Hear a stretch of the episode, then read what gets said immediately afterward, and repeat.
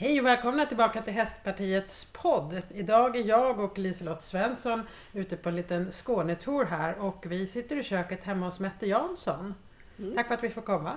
Ja, tack själva för att ni ville komma hit. Hur det var spännande. Du är ju hästtjej och allt möjligt, det ska du strax få berätta om. Och så har ju du startat ett, eh, ett, eh, nytt företag med två kollegor som heter ehm, Power to Act.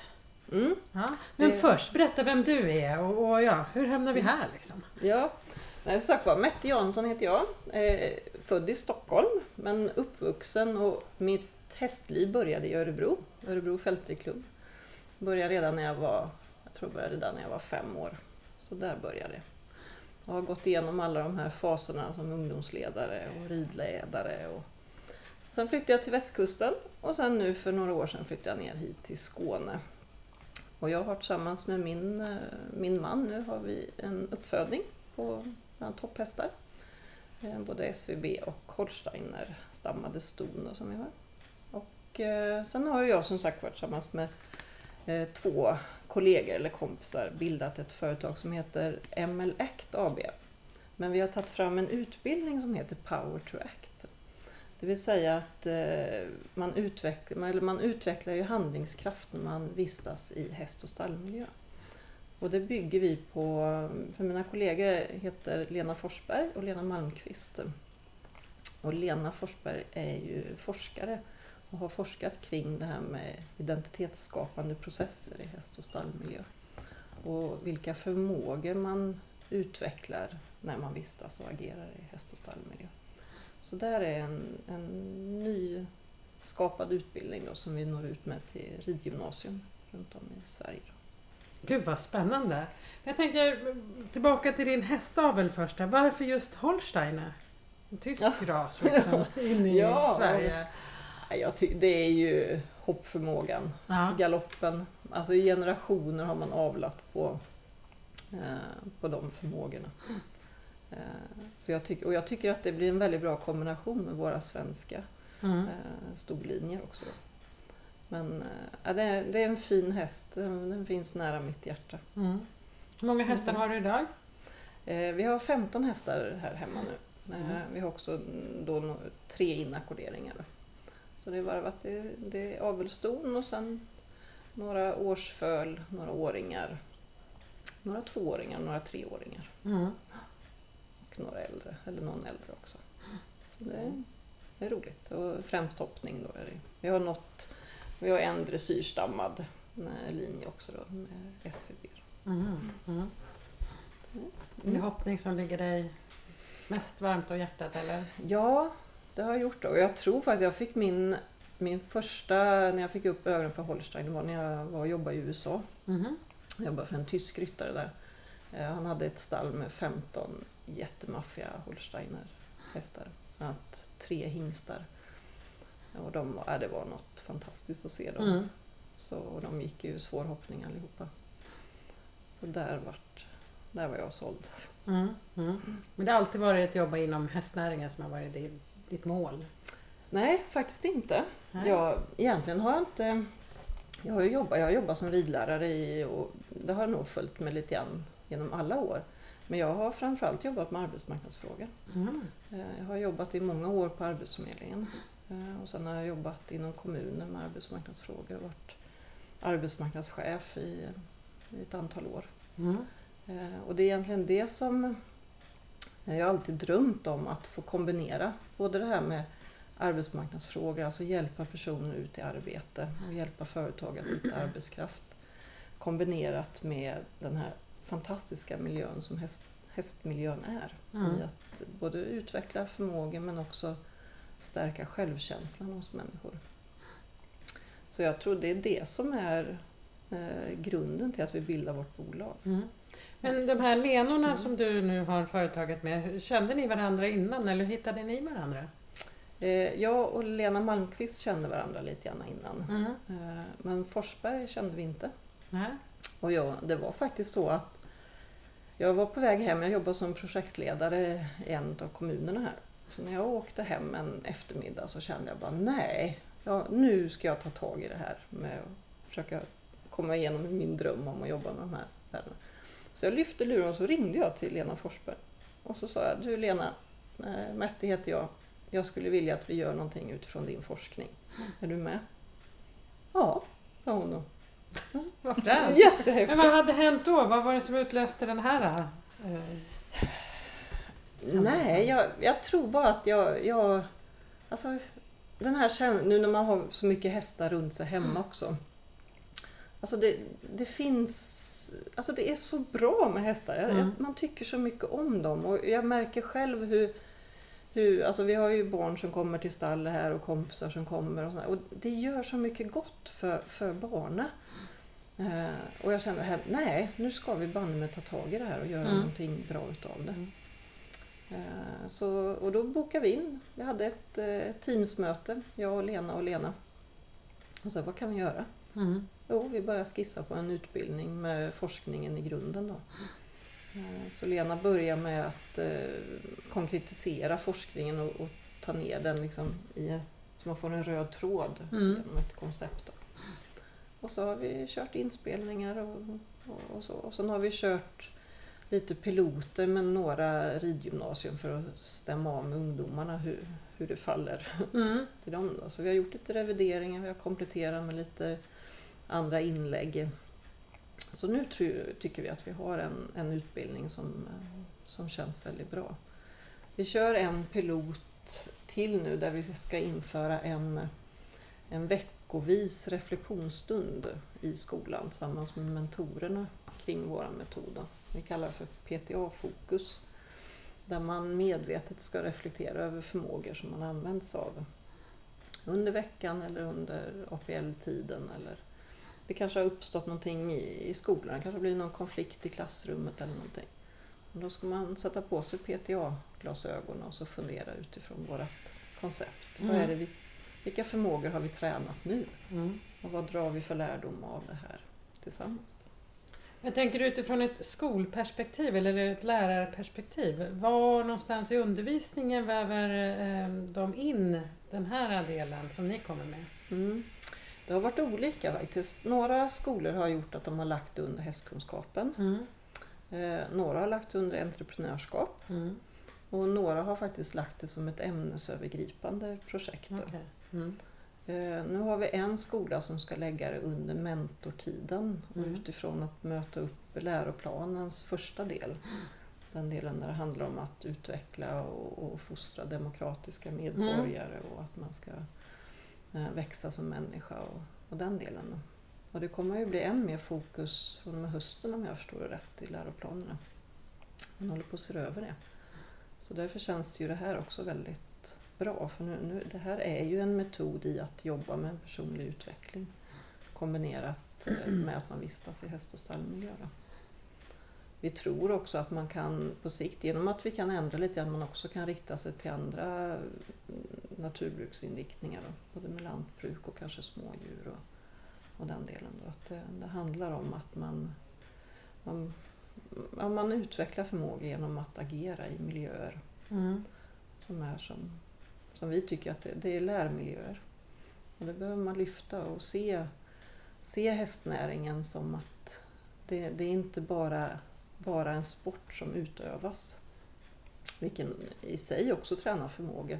Men det är också i vardagen när man står där och borstar hästen eller när man går ut och mockar eller fyller sina höpåsar. Så i det omedvetna så utvecklar vi förmågor som Mm. man har nytta av.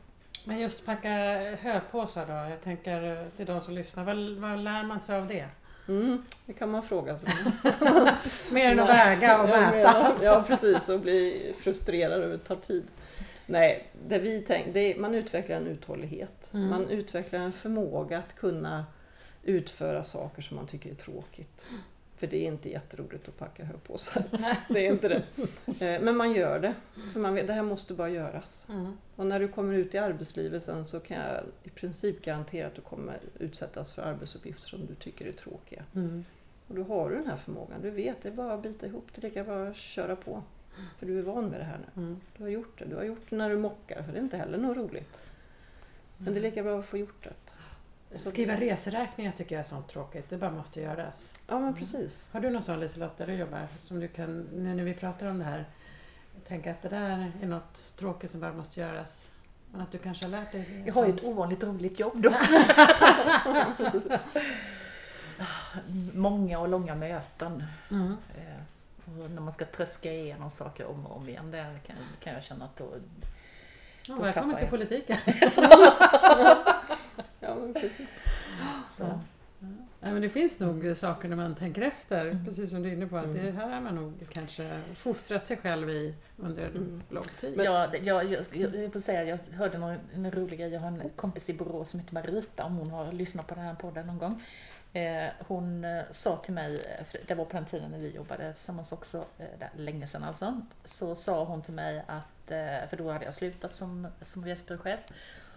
Och då säger hon till mig, ah det är så jobbigt att anställa folk nu, jädra kalanka generation Och jaha, säger jag. Ja, men på den tiden vi anställdes, då såg man en, en befattningsbeskrivning, typ 10 punkter och så tänkte man de där sju var kul och de där tre var kanske inte jättekul men man får köpa de där tre liksom. Men nu så ser de de här 10 punkterna och så säger de det där och det där och det där vill jag göra och resten får någon annan göra.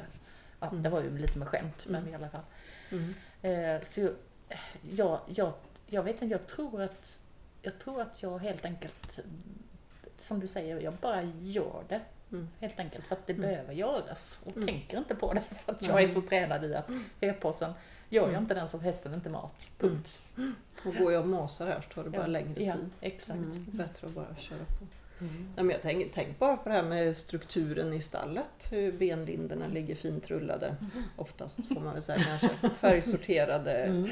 Schabraken hänger där de ska. Och hade, hade, det hade min mamma många synpunkter om kan jag säga. Ja. Att, hur är det möjligt att du har sån militärisk ordning i stallet och så ser ditt rum ut på detta viset?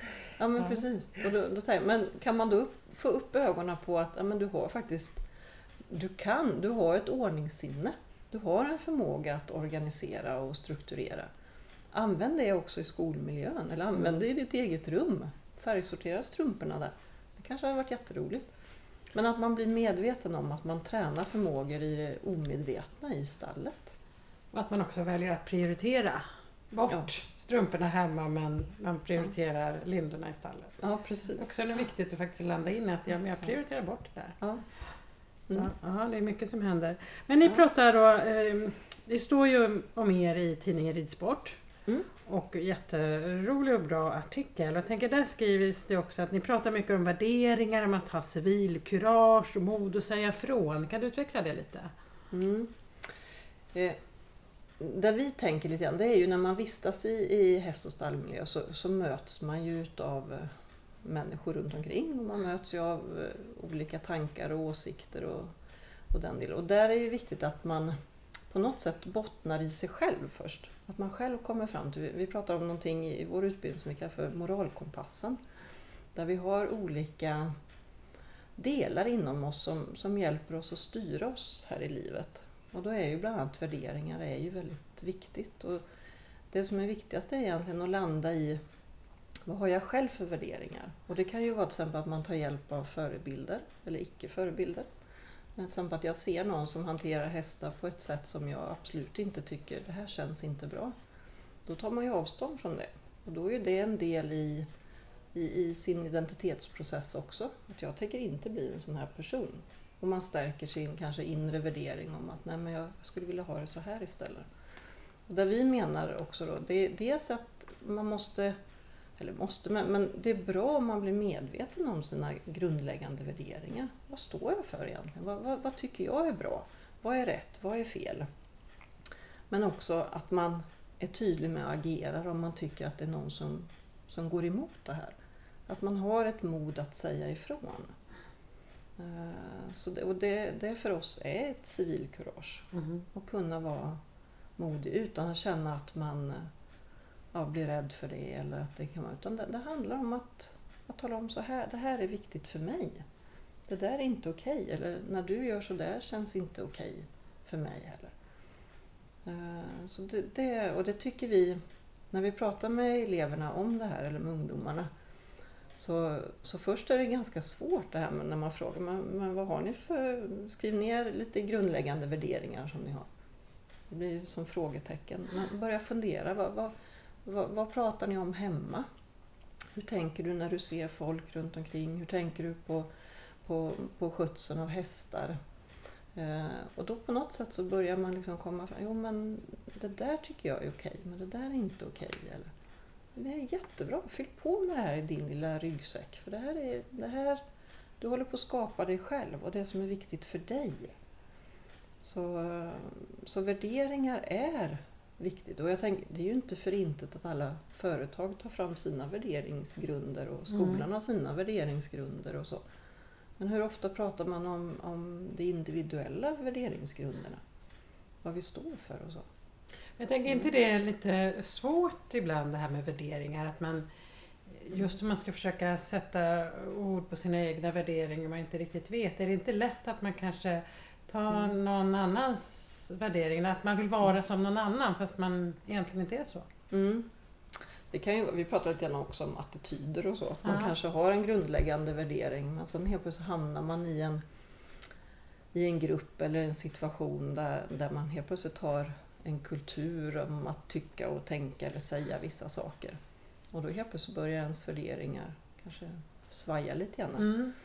Eh, Men det är där också som är viktigt att man är medveten om sin värder- sina Mm. värderingar. Mm. Men vi tror ju också, eller tror, det är ju faktiskt forskningen som säger det, att när man är i hästmiljön så utsätts man ju för så många olika situationer som gör att man får också får, får träna på sina värderingar. Eller man möter olika människor, så att man kan ha Säg om- om det är någon som, alltså man har alla olika åldersgrupper. Så helt plötsligt kanske man pratar med någon som är tio år äldre om, om livets frågor. Man pratar med någon som är yngre. Och på något sätt. Så på något sätt så blir man mer och mer medveten genom att man agerar. Och genom, ju, mer man, ju mer miljöer och situationer man är med om, desto mer reflektion, om man nu reflekterar medvetet, Mm. så, så drar man ju lärdom utav det. Och det gör också att man på ett sätt börjar hitta mer och mer sin inre kärna. Mm. Så vi, det är ju lite det som häst, hästmiljön gör med oss. Vi hjälper oss att hitta vårt in, vår inre styrka. Mm. Mm. För det är ändå, alltså man kan ju man kan mocka en box på hur många olika sätt som helst. Och det är inget som säger att det ena är rätt eller fel. Det, det är ju utifrån den situationen eller den miljön man är. Man säger att vi vill att boxarna ska vara mockade så här. Man ska ha tillplattad halm, eller det ska vara luftig halm, eller det ska vara torv, eller det ska vara spån, eller det ska vara ja, ditten och datten. Eh, Men det, det som är viktigast är ju att man själv lär känna sig själv egentligen. Tänker vi. Och där, där är värderingar viktiga. Mm. Har du någon Mm. värdering som du vill dela med dig av som är viktig för dig? En för, för oss som företag egentligen, så har, vi har ju pratat om det också, det är att vi, vår värdering är att alla människor är goda i grunden. Mm. Samma sak med hästar, Ja. får man säga. De är också goda. Men också att alla människor kan lära sig. Mm. Eh, Det gäller att man, man når varandra eller når personen på, på olika sätt. Man, kan, man lär inte på samma sätt, men man lär på olika sätt. Mm. Eh, och, det, och sen rättvisa, jämlikhet. Eh, och där kommer ju också ett, ett av våra ambitioner. Vi är ju nybildat företag. Vi, vi, vi startade ju aktiebolaget i maj, så vi har inte hållit på så länge. Eh, men det är ju också att vi, vi ser ju det här med social hållbarhet, att inkludering och, och jobba för att man ska må bra som människa är jätteviktigt. Mm. Och där tror ju vi, eller vi vet att hästnäringen är en jätteviktig aktör inom det här. Både utifrån social hållbarhet inom hästnäringen som man bör titta på. Men, men framförallt att hästnäringen kan vara en, en, en aktör för social hållbarhet inom samhället. Mm. Utifrån till exempel arbetsförmågor. Mm. Att man kan eh, träna upp arbetsförmågor hos personer som sen går vidare ut i andra branscher eller andra näringar. Där man har förmågor som med en stark drivkraft, ett ansvarstagande, en omtänksamhet. Man har tränat sociala förmågor. Man tränar också ledarskapsegenskaper, att planera, strukturera. Eh, men också att man, man tränas i att ta risker och göra kalkylerade risker. Det vill säga att man, man gör beräkningar. Ska jag gå ut Ska jag sätta upp den här hästen utan hjälm eller ska jag leda den här hästen med en kedja eller inte? Eller vad man, nu, för man vet att det händer grejer. Mm. Och det kan man ju ganska snabbt översätta till, egentligen till arbetsmiljöarbetet ute på arbetsplatser. Man behöver göra konsekvensanalyser eh, och sen handlingsplaner utifrån det. Och det här gör, man tränar ju det här dagligen i en hästmiljö. Mm. För Mm. man utsätts för risker. Det gör man så fort man kommer innanför dörren. Det kan komma en lös häst eller det kan vara någonting som går sönder. Eller någonting. Men man tränas i att eh, hantera det. Och det är en otrolig förmåga också. Mm. Det, det, som vi det, det finns inte jättemånga andra miljöer som man gör det på ett naturligt sätt. Nej, jag tänker det är viktigt ändå att ta med sig det är just det som ni faktiskt försöker göra delvis då, att lära sig vad man faktiskt lär sig. Det är ju den här Mm. reflektionen som man kanske är lite dålig med. Man bara, Mm. man bara gör. Mm. Liselott, Mm. har du någon eh, värdering som du vill dela med dig av? Hästvärdering. Nej, Eh,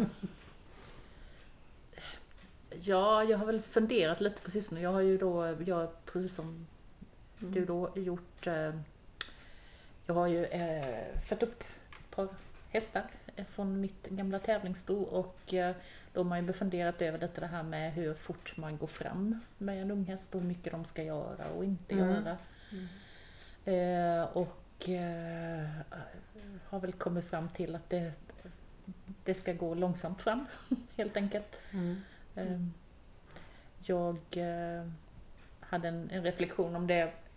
Jag råkade se ett inlägg på, eller alltså att jag blev uppmärksammad på ett inlägg på Facebook från en tjej som hade startat sin fyraåring 22 gånger tror jag det var under fyraårssäsongen.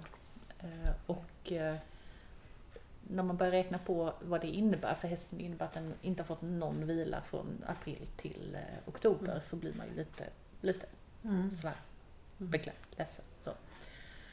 Eh, och sen kan man lägga olika input. Ja, men det finns de som åker på 7000 PN jumps eller det är de som gör si eller så. Men jag tänker att eh, för jag tycker den biten, den tävlingsbiten med unghästarna har liksom på något sätt raceat iväg. För det finns så många ställen att vara med på nu. Det är Falsterbo, om vi börjar bara prata fyraåringar. Det är Falsterbo, det är eh, Youngsters eh, Mm. uppe i Västergötland. Det är eh, Breeders, det är Elmia. Det är alltså fyra stora tävlingar som man kan kvala till om man vill med en så pass ung häst. Och även Mm. med fem och sexåringar, men då har de ju kommit lite längre.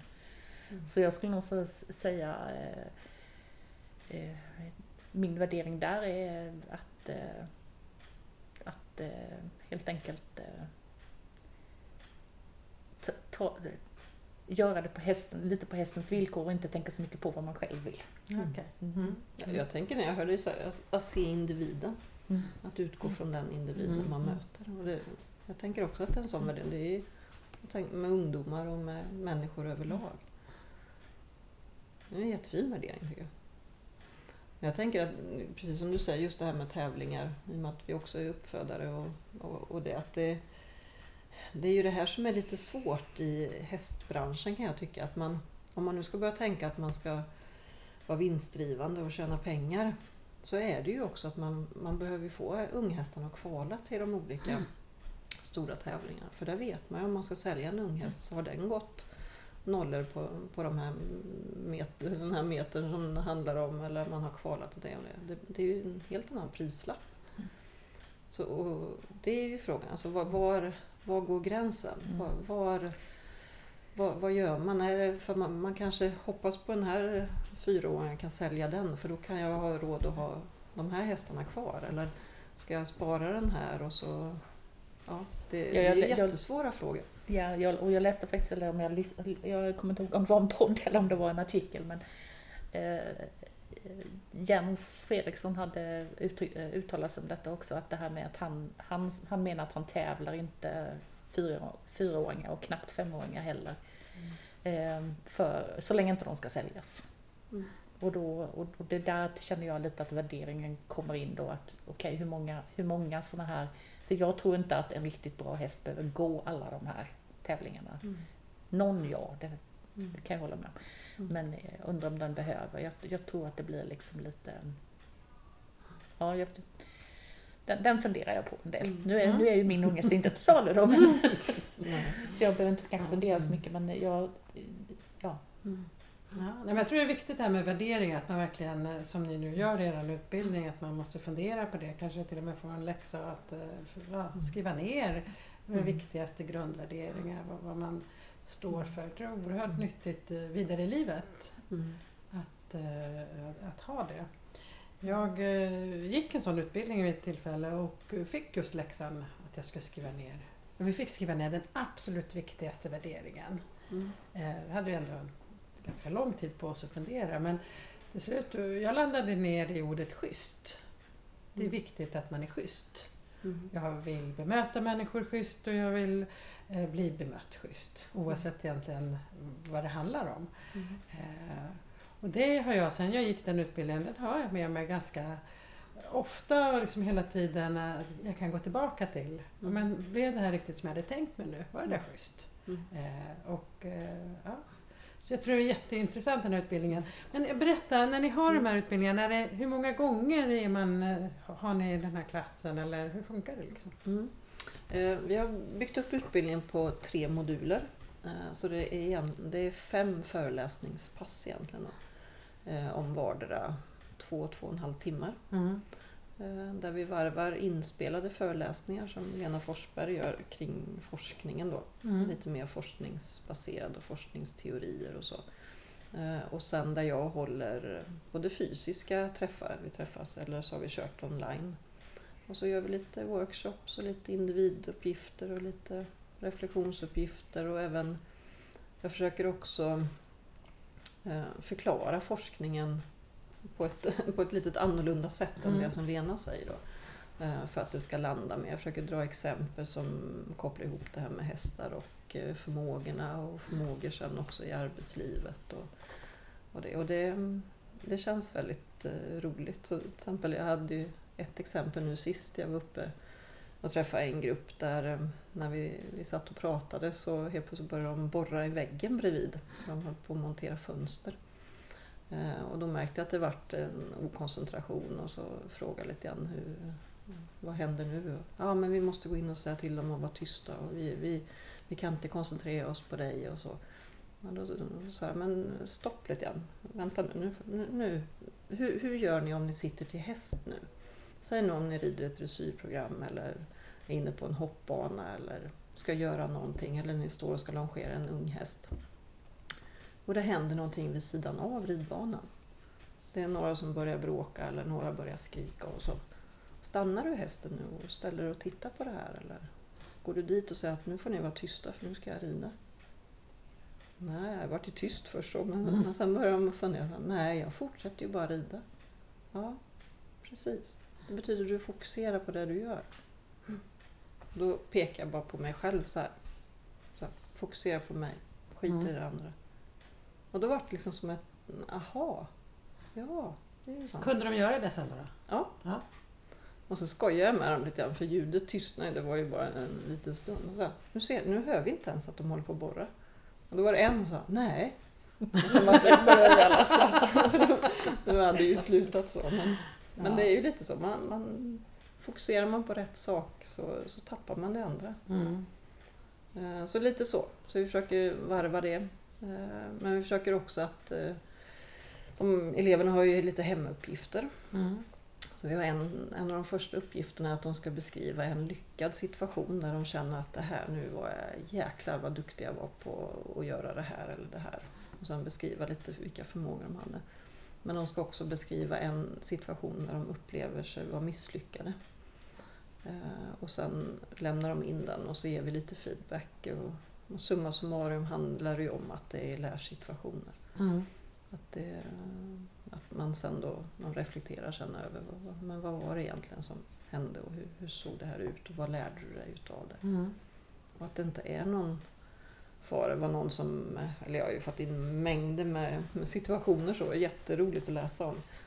Men till exempel det var någon som tyckte det var misslyckat för den hade glömt kvar en vattenkanna i en, i en spolspilta och hade ställt in hästen där och hästen blev rädd för vattenkannan. Den välte om, omkull och skramla och hästen for iväg och vart rädd. Så. Och tyckte det här var jättemisslyckande. Men sen då när man började tänka efter och sa, men eh, hur, hur, hur tänker du nu? Kommer du göra så här någon mer gång? Nej, nästa gång ska jag se till att det är ordning och reda i vattenspiltan innan jag går dit. Alltså det är ju jätte, du har ju dragit en lärdom nu. Nu har du ju lärt dig av att du ska, att du ska kolla av och göra riskinventering till exempel. Mm. Vilket du kommer ha nytta av när du kommer ut på en arbetsplats. Att du kanske inte ska, om det ligger elkablar eller det ser konstigt ut, att man inte bara rusar rätt in. Utan man gör bedömningar. Du tränar ett konsekvenstänk. Ja, det är ju sant. Mm. Och då var det ju kanske inte misslyckande. Hästen skadas inte och du skadar inte. Vattenkannan varit lite tillknycklad men det kanske inte var så farligt. Nej. Så det, det är häftigt, det händer så mycket mm. i, alltså i det omedvetna, bara vi kliver innanför dörrarna till ett stall. Som utvecklar oss. Mm. Men det gäller att se det här och framförallt tänka det gäller ju att andra människor som, som inte är i hästvärlden ser det här också. För, oss, jag menar, vi tre som sitter där runt bordet, det känns nästan ganska självklart att det är klart att vi tränar mm. förmågor. Men jag tror att många utifrån sett ser det kanske som en rikemanssport eller att det är någon, det handlar om att prestera och att det är hästarna som gör jobbet eller vad det nu kan vara för någonting. Men hur kan man då ehm, få andra att se allt det bra som hästen ger och skapar? Det är en bra fråga. nästa! ja, nästa, precis. Nej, men vi, vi tror ju, dels, vi fortsätter ju med vår utbildning för mm. att skapa medvetenhet hos, framförallt hos ungdomarna. Mm. För men de är ju liksom redan i häst. De är ju redan, ja men precis. Ja. Men jag, vi har också börjat rikta oss till ridklubbar. Mm. Så vi har två, två klubbar som är på gång. Eh, bland annat ska vi ha ett möte där vi ska träffa politiker mm. Eh, och näringslivsfolk. Det är ju jättebra. Ja, det ska bli jättespännande. Det är i början av nästa år. Mm. Och just lyfta det här att se vad, vad, kan, vad kan ridskolan, vad kan hästnäringen mer bidra till samhället egentligen? Mm. Förutom att det, det är en fritidsintresse och så. Kanske måste ha ett sådant seminarium i riksdagen? Jag kommer jättegärna. Ja, jag tar med mig Lena. Ja. ja, men det, ja, skämt åsido, men alltså vi, vi typ, man måste lyfta att hästmiljön är en lärmiljö ja. som på ett naturligt sätt utvecklar förmågor. Och jag tycker att det, det, är svårt att finna de här miljöerna i nutidens samhälle. När det är så mm. lätt att köpa tjänster och det är lätt att få att någon annan hjälper till med saker och ting. Jag tänker på ruttjänster, vilket är jättebra men Tänk, om man tänker ur ett barnperspektiv eller ett ungdomsperspektiv så, så kanske man inte lär sig hur man städar. Man kanske inte lär sig hur man klipper gräset eller klipper en häck. Eller, för det är någon annan som gör det. Men i hästmiljön så, jag vet inte om man ska säga tack vare att det inte går att köpa alla tjänster för man har inte råd till det, så får man göra det själv. Mm. Men då tränar vi förmågor. Mm. Och det är jätteviktigt. Och annars kan man köpa städning som man har tid att vara med istället. Ja, det är ju sant. Och utveckla förmågorna Prioritera kallar jag det. Prioritera, ja. ja Leda för det arbetet. Ja. Ja, nej. Och det kommer in på en fråga. Jag mm. fick höra att Försvarsmakten var och eh, jag vet inte om de hade gjort en film eller om det var så att de var vid hårshowen och rekryterade. Mm. Eh, ser du att det finns någon form av eh, ehm, extra nytta av hästmänniskor in i Försvarsmakten? Det tror jag alla gånger, självklart, men jag tror ju att det är inom alla branscher. Ja. Alltså jag tror, för det, det handlar om, alltså om man tänker hästtjejer eller hästkillar, Eh, så är man van att jobba, man är van att hugga i, man är van att tänka lite strategiskt.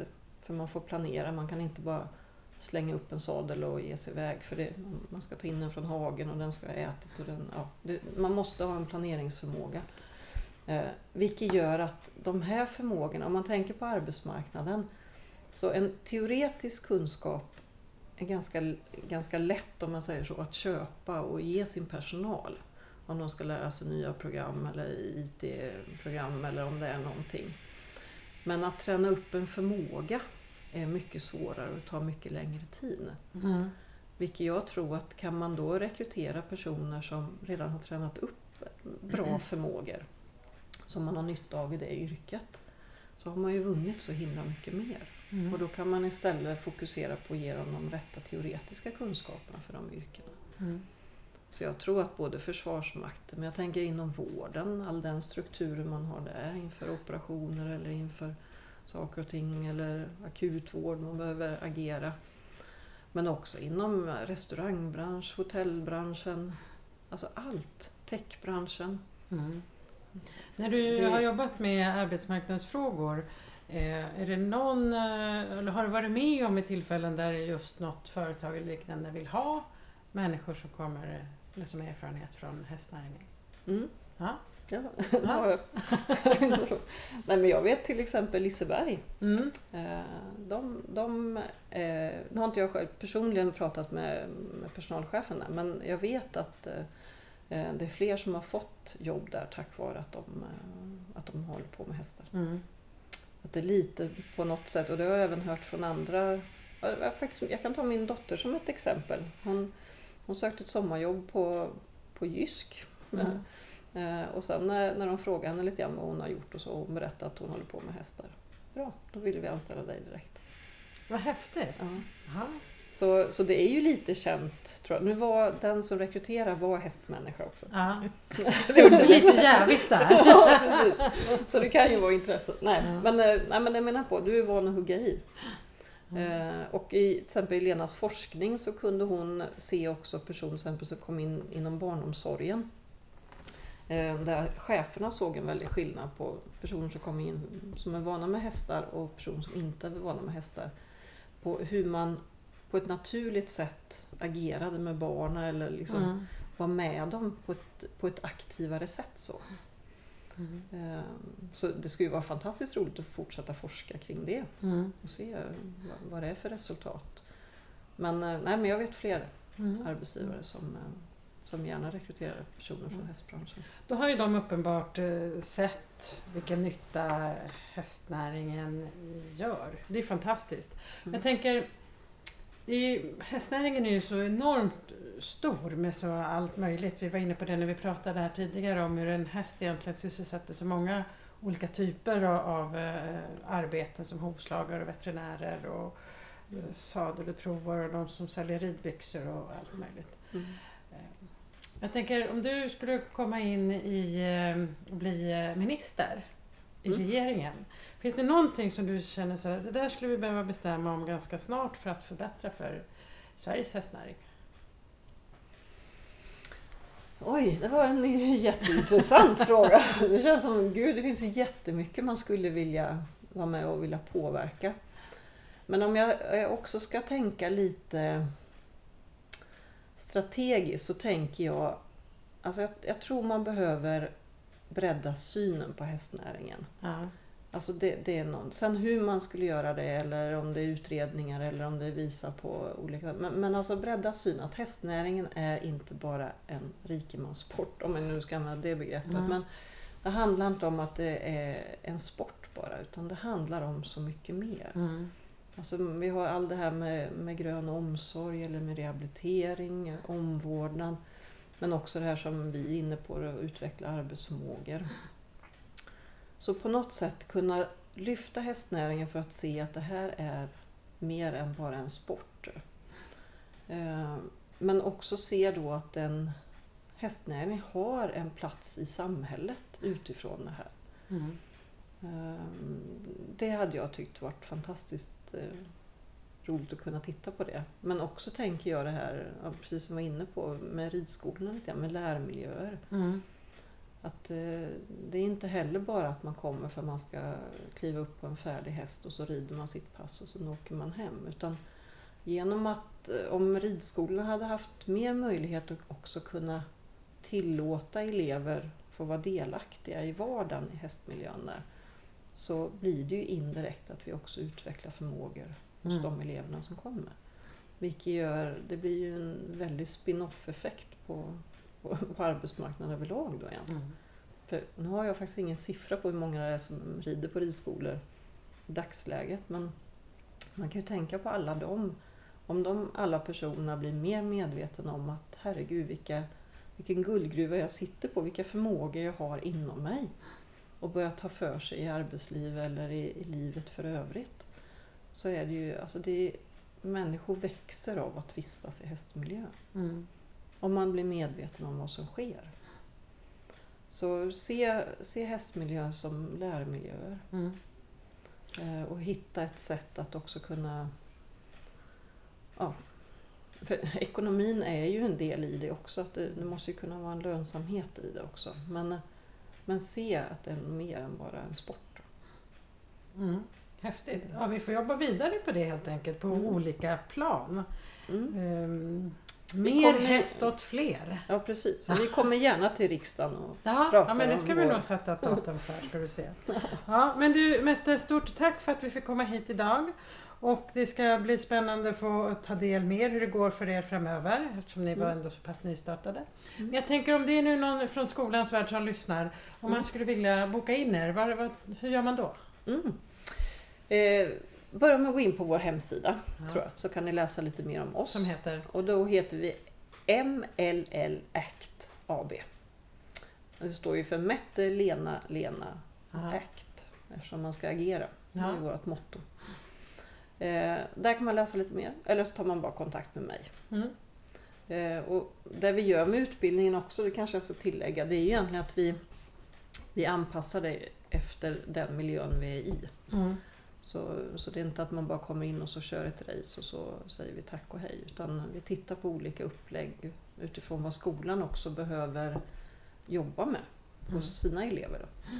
Så vi, det, det är lite individanpassat också utifrån de behoven. Bra. Så jättegärna ta Ja. kontakt. Och tack så jättemycket för att ni kom hit. Och jättebra initiativ tycker jag den här podden.